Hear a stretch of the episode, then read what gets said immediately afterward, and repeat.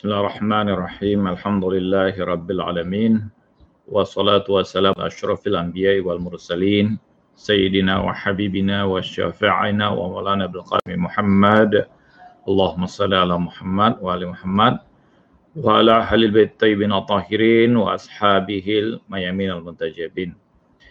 Alhamdulillah kita lanjutkan kuliah kita tentang filsafat manusia bahwa kita melihat manusia bukan sekedar satu kreasi Tuhan dalam bentuk yang biasa, tapi merupakan eh, puncak dari kreasi Tuhan. Jadi manusia adalah makhluk yang paling kompleks, paling sempurna di antara seluruh makhluk yang Tuhan ciptakan. Bahkan tidak ada satu makhluk pun yang menandingi dari keluar biasaan manusia ini. Di sepanjang sejarah kita melihat bagaimana manusia menghasilkan beragam kreasi, beragam pengetahuan, beragam teknologi yang luar biasa dalam melayani kehidupan manusia itu sendiri, bahkan dalam mengolah alam semesta ini. Kita sudah berbicara pada beberapa dimensi manusia, mulai dari pendefinisian, carian makna, dan sebagainya tentang hakikat manusia. Dalam beragam pandangan, tentu saja ada beragam pandangan tentang manusia. Kali ini kita melihat manusia dari sudut pandang tasawuf. Ya. Tasawuf atau irfan adalah satu dimensi esoterik di dalam Islam yang padanya beragam. Khazanah sangat luar biasa sepanjang sejarah yang kita lihat bahwa tasawuf atau irfan telah melahirkan tokoh-tokoh besar yang luar biasa dalam sejarah Islam ya. Ini adalah dimensi esoteris, dimensi spiritual dari terhadap pemahaman ajaran Islam. Jadi kalau kita mungkin bisa membagi misalnya bahwa ada ajaran Islam yang terkait secara eksoteris ya, secara zohir, ada ajaran Islam yang tentu saja terkait secara esoteris atau ruhaniyah atau batiniah. Nah, kalau eksoteris tentu terkait dengan keyakinan, dengan hukum dan sebagainya. Tetapi bahwa secara esoteris tentu bagaimana proses ruhaniyah dalam penyingkapan beragam realitas dan terutama tentang hakikat al-haq ya. Hakikat ketuhanan, hakikat kebenaran, hakikat realitas yang tertinggi, eksistensi yang paling tinggi atau wajibul wujud.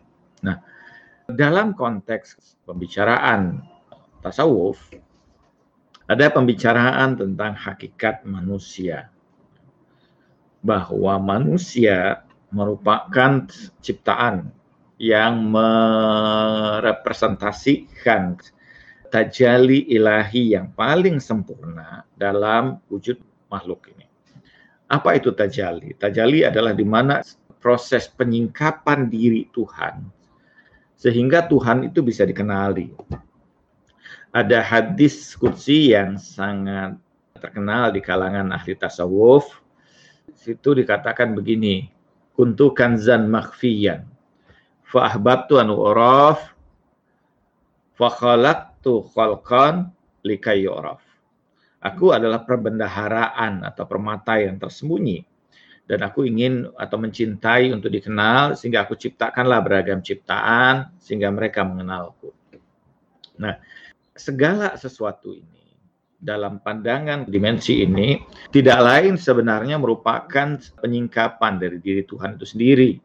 Karena dialah yang wujud yang sesungguhnya, wujud yang hakiki karena tidak ada wujud selain daripada dirinya. Selain daripadanya tidak lain adalah ketiadaan. Jadi dirinya lah yang sesungguhnya realitas itu atau realitas yang sesungguhnya itu tidak lain adalah dirinya. Segala apa yang ada ini itu tidak lain adalah penyingkapan dari realitas dirinya itu. Gitu. Karena itu misalnya tidak ada selain daripada dia dalam konteks ini. Wal awal, wal akhir, wal zohir, wal batin. Dialah yang awal, dialah yang akhir. Dialah yang zohir, dialah pula yang batin. Tidak ada awal yang mengawali dirinya, tidak ada akhir yang mengakhiri dirinya. Tidak ada zohir yang lebih zohir daripada dia, dan tidak ada batin yang lebih batin daripada dirinya. Bahkan misalnya Ali bin Abi Thalib mengatakan bahwa wa ghaibun fi syiddati zuhurihi. Dia gaib tersembunyi dalam kebenerangan dirinya. Jadi bagaikan cahaya yang begitu sudah benderangnya, maka cahaya itu tidak akan terlihat lagi gitu kan.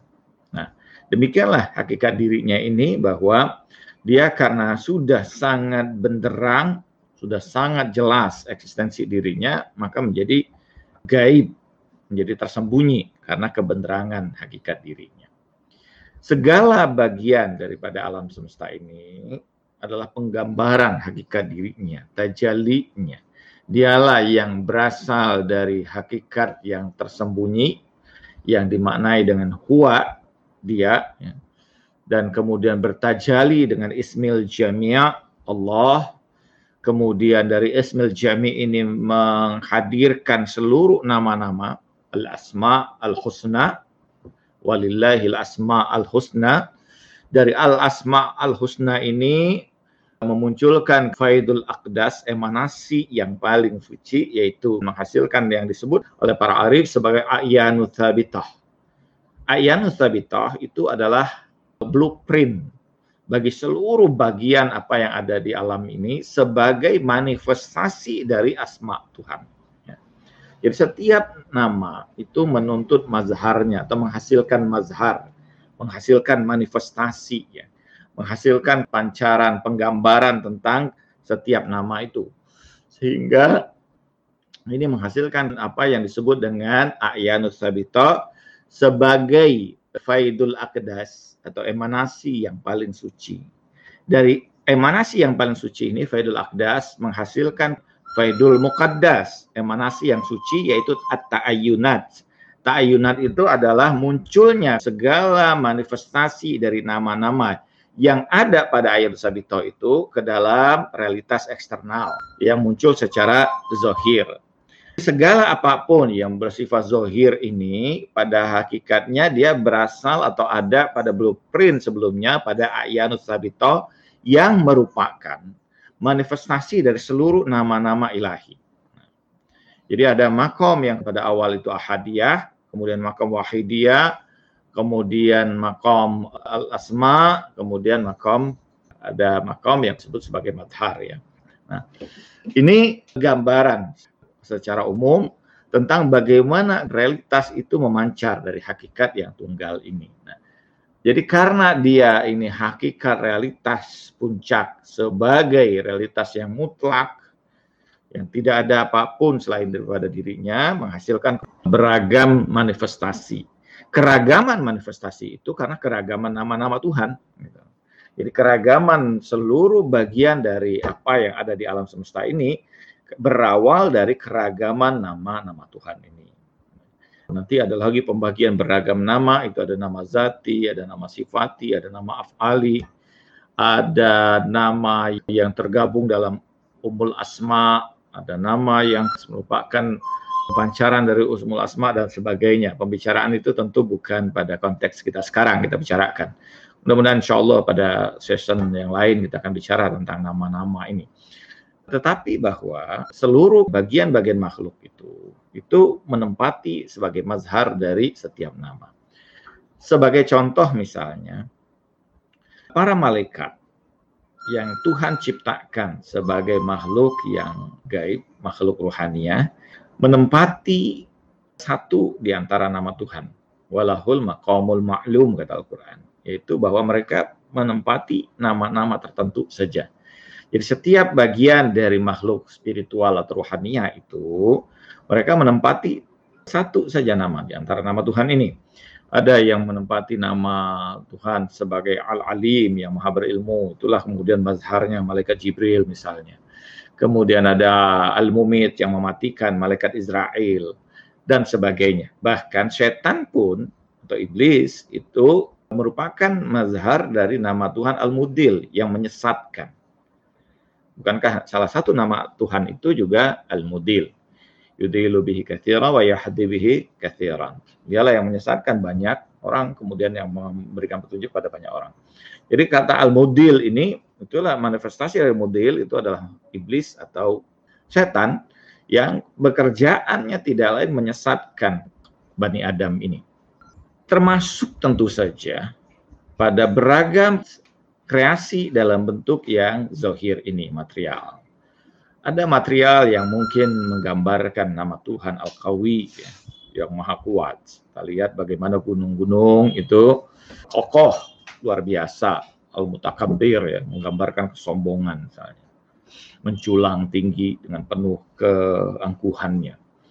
Ada kreasi yang menggambarkan kekuatan kawi misalnya seperti besi ya mineral-mineral yang begitu kuat misalnya ada lagi yang latif yang menggambarkan kelembutan bagaimana air misalnya begitu lembutnya ya darah dan sebagainya ada yang menggambarkan nama yang menghidupkan tapi juga air juga menghidupkan kan. Wajalna kula syai'in minal ma'in hayyan. Dan kami jadikan bahwa segala sesuatu itu dari air kemudian menjadi hidup. Jadi bagaimana air ini kan menghidupkan. Kita lihat bahwa seluruh bagian dari proses yang ada di alam semesta ini, kreasi Tuhan dalam alam semesta ini, pasti itu menggambarkan satu di antara satu nama Tuhan. Tetapi yang menarik bahwa ketika Tuhan menciptakan, mengkreasi manusia dalam konteks ini, Tuhan menempatkan seluruh namanya. Wa allama adamal asma'kullaha. Kami ajarkan pada Adam ini. Kami alimkan Adam ini seluruh nama. Tentu nama-nama yang dimaksud bukan sekedar nama dari beragam kreasi Tuhan ini, beragam makhluk Tuhan ini. Kalau itu kan nama-nama yang disematkan oleh manusia itu sendiri, tapi yang dimaksud di sini tentu hakikat nama secara zati. Ya. Hakikat nama secara zati itu tidak lain merupakan nama-nama Tuhan. Jadi karena itu kenapa para malaikat ini sujud atau tunduk kepada manusia? Karena malaikat itu hanya menempati satu di antara sekian banyak nama Tuhan itu. Sedangkan manusia seluruh menjadi lokus bagi keseluruhan nama Tuhan ini. Jadi Tuhan menjadikan makhluk atau kreasi yang bernama manusia ini sebagai lokus bagi keseluruhan nama Tuhan itu. Jadi apa pun nama Tuhan yang kita temui pada diri Tuhan dapat kita lihat jejaknya, asarnya pada diri manusia ini. Apa pun bentuk nama itu. Anda sebutkan bahwa Tuhan Ar-Rahman Ar-Rahim. Apakah manusia tidak memiliki sifat kasih sayang? Anda sebutkan bahwa Tuhan itu punya sifat al-ghadab, marahan. Apakah pada manusia tidak kita temukan jejak kemarahan? Pada Tuhan ada sifat al-latif yang lembut. Tidakkah kita saksikan bahwa manusia bisa berlaku lemah lembut? Pada Tuhan ada sifat al-jabar, dan kita lihat bagaimana banyak manusia yang menampilkan sifat kesombongan ini. Al-Mutakabir, yang perkasa, Al-Jabar, Al-Mutakabir yang sombong. Nama Tuhan Ar-Razak yang memberikan rezeki, yang mengajarkan. Dan semua nama-nama itu kita dapati jejak-jejaknya ada pada diri manusia ini. Karena itu bahwa malaikat yang hanya menempati satu nama saja, itu tentu tidak mampu memahami kreasi Tuhan yang begitu luar biasa ini. Bagaimana mungkin satu makhluk ini ada makhluk yang diciptakan Tuhan yang padanya dikumpulkan seluruh nama Tuhan dan dimasukkan ke dalam kreasi Tuhan yang satu ini. Sehingga mereka bertanya, apakah ini tidak akan menyebabkan terjadi kekacauan, terjadi kerusakan, bahkan ini berpotensi untuk dengan seluruh hal yang luar biasa yang ada padanya akan menciptakan kekacauan yang luar biasa juga. ketika para malaikat berkata, "Ataj'alu fiha may yufsidu fiha wa yasfikud dima." Maka engkau akan menjadikan makhluk yang akan berbuat kekacauan, kerusakan, dan menumpahkan darah. Ini kan berbahaya ini. Ketika Anda melihat bahwa, ketika malaikat melihat bahwa ada makhluk yang padanya ini keseluruhan potensialitas yang begitu luar biasa, bahkan bertentangan satu dengan yang lain, dimasukkan dalam satu lokus yang sama. Bagaimana iblis tidak mungkin bersatu dengan Jibril. Karena iblis menempati posisi al-mudil sementara Jibril alim dan sebagainya. Ini dalam bayangan para malaikat dengan nama-nama yang terbatas ini, kalau nama-nama keseluruhan nama ini digabungkan, maka terjadi kekacauan yang luar biasa. Sehingga Abdurrahman Jami, seorang syarih penafsir dari Fususul Hikam Ibn Arabi berkata bahwa bagaimana mungkin dia yang hanya menempati satu bagian akan memahami keseluruhan bagian. Bagaimana mungkin dia yang parsial akan memahami realitas yang general, yang universal. Sehingga bagaimana mungkin malaikat yang hanya menempati satu nama akan mampu memahami Adam yang padanya meliputi keseluruhan nama Tuhan. Jadi karena itulah bahwa malaikat ketika dihadapkan Tuhan menghadapkan Adam ini di hadapan mereka Tuma aradahum alal malaika faqala ambiuni bi asma'i haula sampaikan keseluruhan nama mereka itu. Nama mereka itu apa? Tidak lain nama bahwa satu persatu dari malaikat itu merupakan manifestasi dari gambaran nama-nama Tuhan. Sehingga karena itulah kenapa malaikat tunduk sujud kepada Adam. Dalam hadis yang lain misalnya dikatakan wa khalaqa Adam ala suratihi dan ciptakan Adam itu dalam rupa Tuhan. Sebagian tentu menolak, apalagi kalangan Zahiriyah, tekstualis menolak hadis ini, diskusi ini, bahwa manusia diciptakan sebagai rupa Tuhan. Ini mereka menggambarkan ini tajsim, ini tidak mungkin menyerupai Tuhan. Dalam konteks apa? Bahwa manusia dalam konteks tasawuf padanya keseluruhan bagian nama Tuhan itu ada padanya sehingga manifestasi Tuhan yang paling luar biasa yang paling sempurna di antara keseluruhan makhluk yang ada itu tidak lain adalah manusia. Ali bin Abi Thalib mengatakan bahwa la tazunnu annaka jirmun shaghir fa innaka alamun kabir. Jangan pernah kamu mengira bahwa kamu itu tetesan debu saja. Tidak. Pada kamu itu ada alam raya yang luar biasa. Alam raya yang besar. Karena itu pada diri manusia ini tergambarkan keseluruhan realitas dari gambaran tentang diri Tuhan. Jadi karena itu bahwa tidak ada satu makhluk pun yang meliputi, yang universal seperti diri manusia ini. Karena itu dalam perkataan misalnya dinyatakan bahwa wa khalaqal malaika annal malaikata bahwa sesungguhnya malaikat itu falahal aql wa laysat lahumun syahwa wa amal haywan falahul syahwa wa laysa fihi al-aql. Wal insan yajma'u bainahuma falahul aql wa syahwa. Karena itu bahwa malaikat itu dia punya akal tapi tidak punya syahwat. Binatang punya syahwat tanpa akal. Sementara manusia menggabungkan pada diri manusia tergabung keseluruhan kedua realitas itu. Padanya ada akal dan ada syahwat pada saat yang bersamaan jadi ini betapa diri manusia ini menempati hal yang sangat tinggi bahkan bisa sampai pada sesuatu yang rendah. Lakot khalaqnal insana fi ahsani takwim. Kami tempatkan manusia itu pada sempurna ukuran oposisi. Bahwa malaikat dari konteks secara zohirnya, kita sudah bicarakan sebelumnya, dari konteks material manusia ini, terbentuk dari materi keseluruhan bagian alam semesta secara material ini, maka ketika kita melihat pada tubuh atau jasad manusia, keseluruhan unsur yang ada di alam raya ini dapat kita temukan pada diri manusia. Secara umum biasanya orang membagi menjadi artinya membagi menjadi empat unsur utama ya. Ada air, ada api, ada tanah, ada udara. Walaupun jejak-jejak unsur yang lain yang bertebaran di muka bumi ini dapat kita temukan pada diri manusia. Apa pun bentuk unsur itu. Secara batin, tidak ada makhluk apa pun secara ruhania, nafs manusia atau ruh manusia yang Allah nisbahkan kepada dirinya kecuali pada manusia. Allah menciptakan malaikat dari cahaya, Allah menciptakan iblis dari api.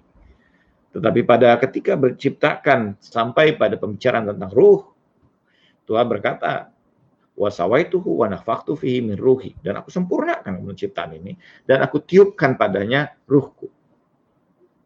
Allah mengatakan ruhi. Ya, walaupun mungkin diterjemahkan dalam terjemahan yang ada bertebaran itu, mungkin ruh yang berasal atau diciptakan Allah diterjemahkan, tapi Allah mengatakan bahwa dalam konteks ayatnya, Allah mengatakan wa nafakhtu fihi min ruh dan aku tiupkan Tuhan daripada ruhku bukan ruh yang kemudian diciptakan Biruhku kata Tuhan. Ini penisbahan kepada diri Tuhan, ini penuh pada puncak dari hakikat ruhania yang luar biasa yang ada pada diri manusia.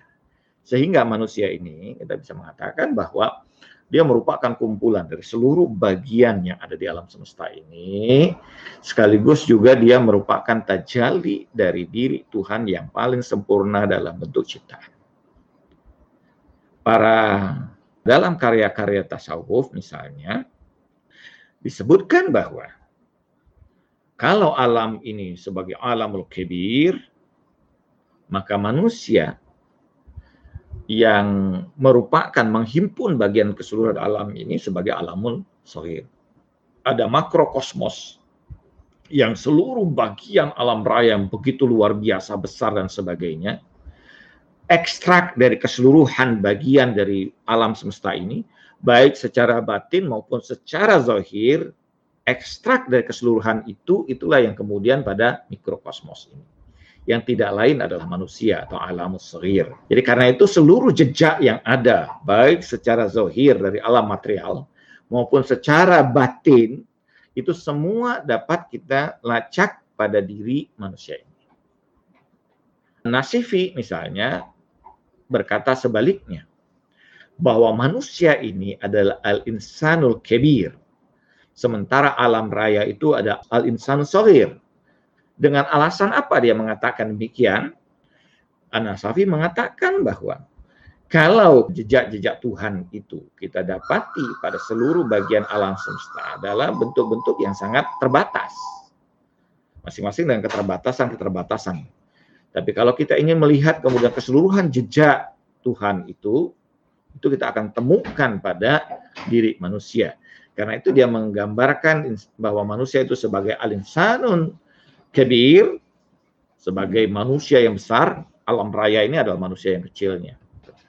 Karena tidak ada arti apa-apa seluruh bagian alam semesta ini kalau tanpa kehadiran manusia ini.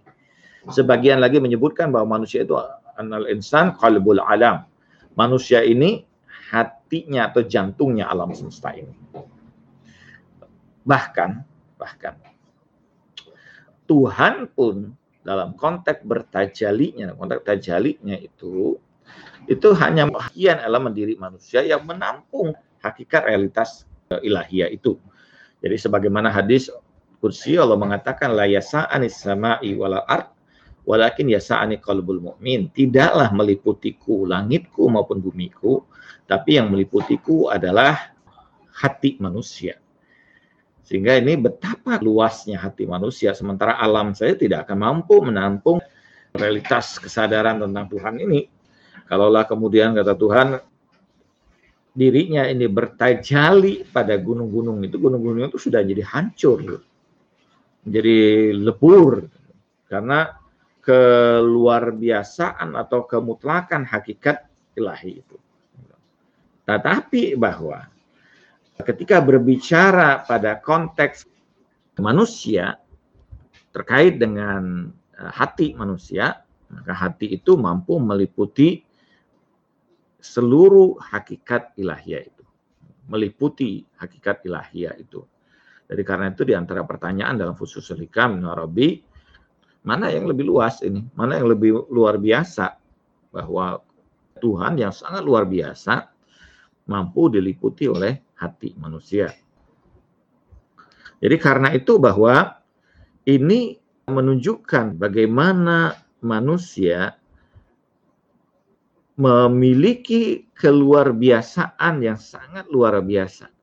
Jadi ketika Anasafi menggambarkan bahwa manusia itu sebagai insanu kabir, bahwa alam ini sebagai insanu sohir, itu satu hal atau realitas yang sangat luar biasa.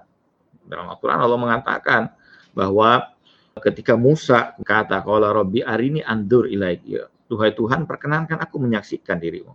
Tuhan mengatakan, Qala lantarani, walakin unzur ila jabali, fa in istaqarra makanahu fasawfa tarani. Falamma tajalla rabbuhu lil jabali ja'alahu dakkan wa khara Musa sa'ika. Duhai Tuhanku, perkenankan aku menyaksikan dirimu. Dan Tuhan mengatakan bahwa engkau tidak akan menyaksikan, tapi saksikanlah kemudian pada gunung-gunung itu kalau dia tetap mampu bertahan, kau akan menyaksikan diriku. Tapi ketika Tuhan kemudian falamma tajalla rabbuhu, Tuhan bertajali, memancarkan hakikat realitas dirinya pada gunung, lil jabal ja'alahu dakka wa kemudian seluruhnya lebur dan kemudian Musa wa kharra Musa sa'aqan. Musa tersungkur karena keluar biasaan peristiwa itu. Tetapi pada saat yang sama Tuhan berkata bahwa yang meliputiku adalah apa? Hati orang yang beriman. Ini menunjukkan bahwa kalau alam semesta tidak mampu menanggung realitas hakikat kemutlakan ilahi, diri manusia mampu. Karena itu bahwa dalam ayat yang lain Tuhan mengatakan bahwa kami paparkan sanurihim ayatina fil afaki wa fi anfusihim hatta kami paparkan semua tanda kami dalam semesta itu dan kami paparkan semua tanda itu juga pada diri manusia. Jadi karena itu dalam konteks tasawuf kita melihat manusia ini diciptakan dalam proses penciptaan yang sangat agung, dalam proses penciptaan yang sangat luar biasa. Pada diri atau diri manusia ini terhimpun kreasi yang sangat luar biasa dari hakikat realitas ketuhanan. Jadi karena itu misalnya dalam sufi dikenal hadis-hadis yang seperti ini misalnya man uh, arafa nafsahu faqad arafa rabbah. Barang siapa yang kemudian mengenal hakikat dirinya dia akan mengenal Tuhannya. Atau sebaliknya. Kata Ibn Arabi kalau kalau dia sudah mengenal hakikat dirinya man arafa nafsahu dalam bentuk ini maldi untuk lampau barang siapa yang telah mengenal hakikat dirinya arafa dia sudah pasti mengenal Tuhannya jadi dia mengenal Tuhannya hakikat ketuhanan sebetulnya dia akan kenal tentang seluruh ini ini dua hal yang kemudian kita gambarkan sebagai pada satu gambaran dalam permisalan yang sering kali digambarkan oleh kalangan tasawuf, kalangan sufi, kalangan arif, seperti seseorang yang sedang bercermin bahwa gambaran apa yang ada di cermin itu itu menggambarkan realitas dari zat yang sesungguhnya.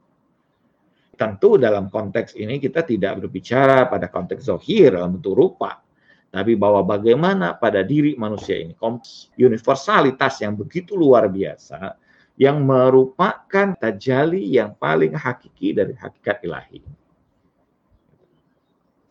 Jadi bagaimana kita melihat dalam pandangan konsep tasawuf, misalnya proses penciptaan manusia ini begitu luar biasa, begitu agungnya.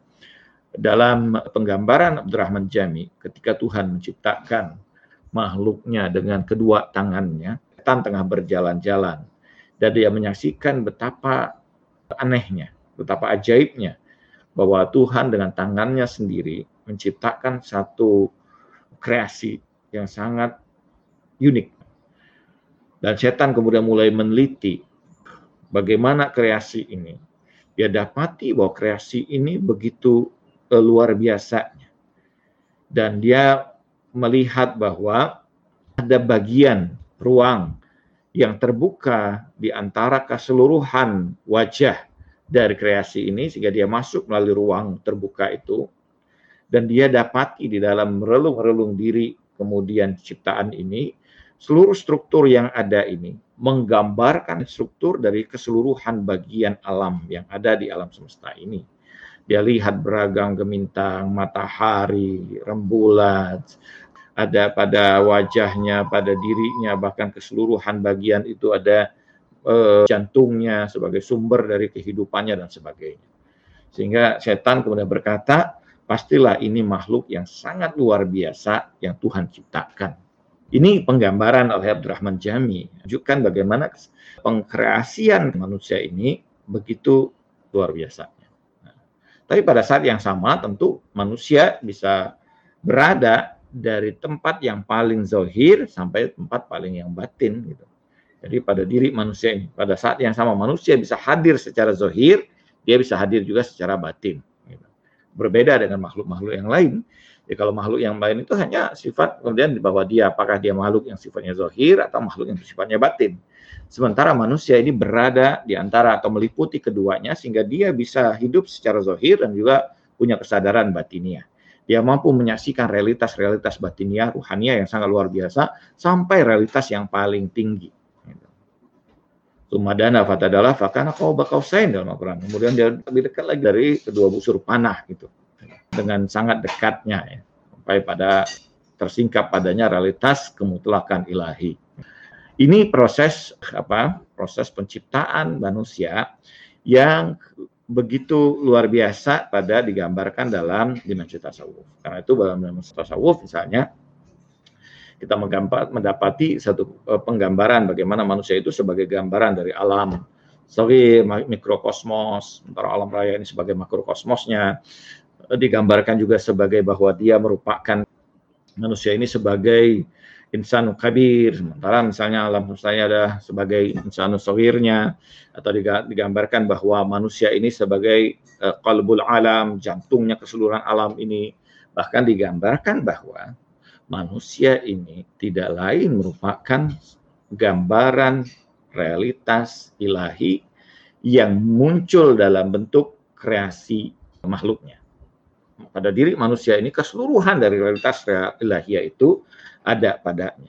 Padanya ada beragam sifat-sifat Tuhan sebagai gambaran manifestasi dari tajaliknya asma Allah keseluruhan diri manusia dan padanya juga dia meliputi zohir dan batinnya. Gitu. Jadi karena itu kita akan lanjutkan insya Allah pembicaraan kita tentang konsepsi manusia dalam konsep konsep dimensi tasawuf dan irfan ini pada pertemuan kita berikutnya yang menggambarkan bahwa manusia dengan beragam hal yang luar biasa, dia akan mampu mencapai derajat kesempurnaan yang juga luar biasa. Terima kasih atas perhatiannya. Insya Allah kita berjumpa lagi pada kuliah kita berikutnya tentang filsafat manusia, menggambarkan tentang dimensi kesempurnaan manusia dalam pandangan eh, tasawuf. Terima kasih. Assalamualaikum warahmatullahi wabarakatuh.